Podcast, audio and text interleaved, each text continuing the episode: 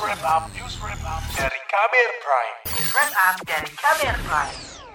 Komisi Pemberantasan Korupsi KPK menjadi lembaga penegak hukum dengan tingkat kepercayaan publik paling rendah di antara lembaga penegak hukum lain. Hal ini terlihat dari hasil survei indikator politik Indonesia pada bulan lalu. Dalam survei tersebut, tingkat kepercayaan publik terhadap KPK sebesar 59,8 persen. Presentase itu berada di bawah TNI, Polri, Kejaksaan Agung, dan Pengadilan. Direktur Eksekutif Indikator Politik Indonesia Burhanuddin Muhtadi. KPK di bawah Kejaksaan Agung, Pengadilan, dan Polisi. Ini KPK di antara lembaga penegak hukum tingkat trustnya paling rendah sekarang ini. Selain tingkat kepercayaan masyarakat yang menurun, kuantitas penanganan korupsi KPK juga menurun pada 2021.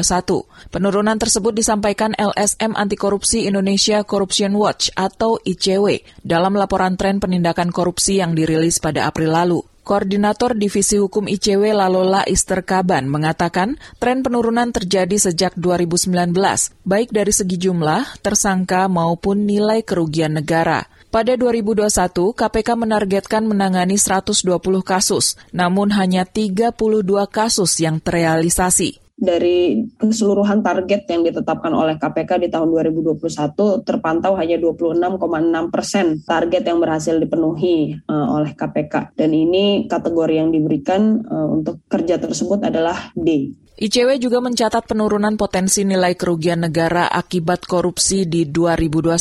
Menurut ICW, jumlah potensi kerugian negara tertinggi berada di 2019 dengan total 6,2 triliun.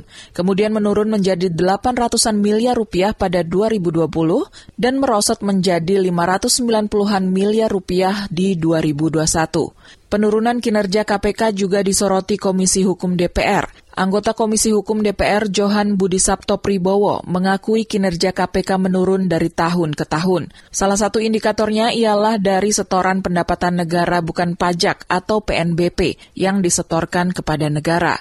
Menurut Johan, ada beberapa faktor yang memengaruhi kinerja KPK pada 2021, antara lain pandemi dan sengkarut persoalan tes wawasan kebangsaan atau TWK. Tapi kalau dari kacamata saya, KPK masih bekerja gitu meskipun rame itu Vivo yang kemarin soal TWK dan lain sebagainya itu masih bekerja quote unquote ya, masih menangani perkara dan menangkap perkara-perkara besar juga. Gitu. Saat rapat kerja akhir Maret lalu, KPK melaporkan setoran pendapatan negara bukan pajak atau PNBP di 2021 mencapai 240-an miliar dari total target seratusan miliar rupiah. Ketua KPK Firly Bahuri mengatakan realisasi itu melampaui target sebesar 244 persen. Realisasi itu dikritik anggota Komisi Hukum DPR Arsul Sani, sebab menurutnya setoran PNBP KPK terus melorot dalam lima tahun terakhir. Kata dia, pada 2017 KPK berhasil menyetor PNBP ke kas negara sebesar 1,9 triliun dalam waktu setengah tahun, kemudian terus melorot hingga menjadi 120-an miliar pada 2020.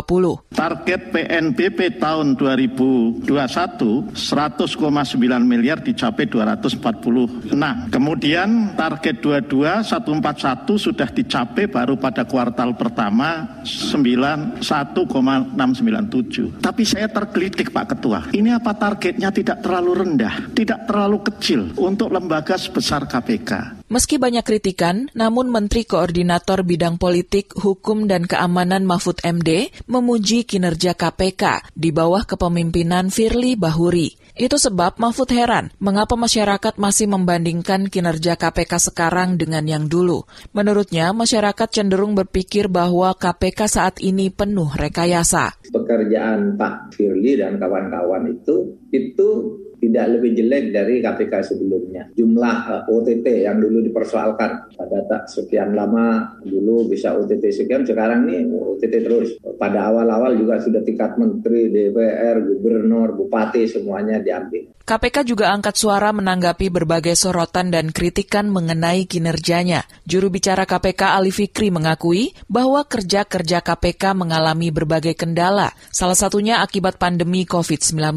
Namun, ia menegaskan menegaskan KPK tetap fokus dan mengoptimalkan tiga strategi pemberantasan korupsi, yaitu pendidikan, pencegahan, dan penindakan. Sehingga perlu kami sampaikan bahwa capaian atau hasil pemberantasan korupsi seharusnya dilakukan secara komprehensif, ya, mengukur ketiga strategi dimaksud. Jadi tidak hanya fokus pada penindakan sebagaimana yang sudah disampaikan oleh ICW. Demikian laporan khas KBR, saya Astri Yuwanasari.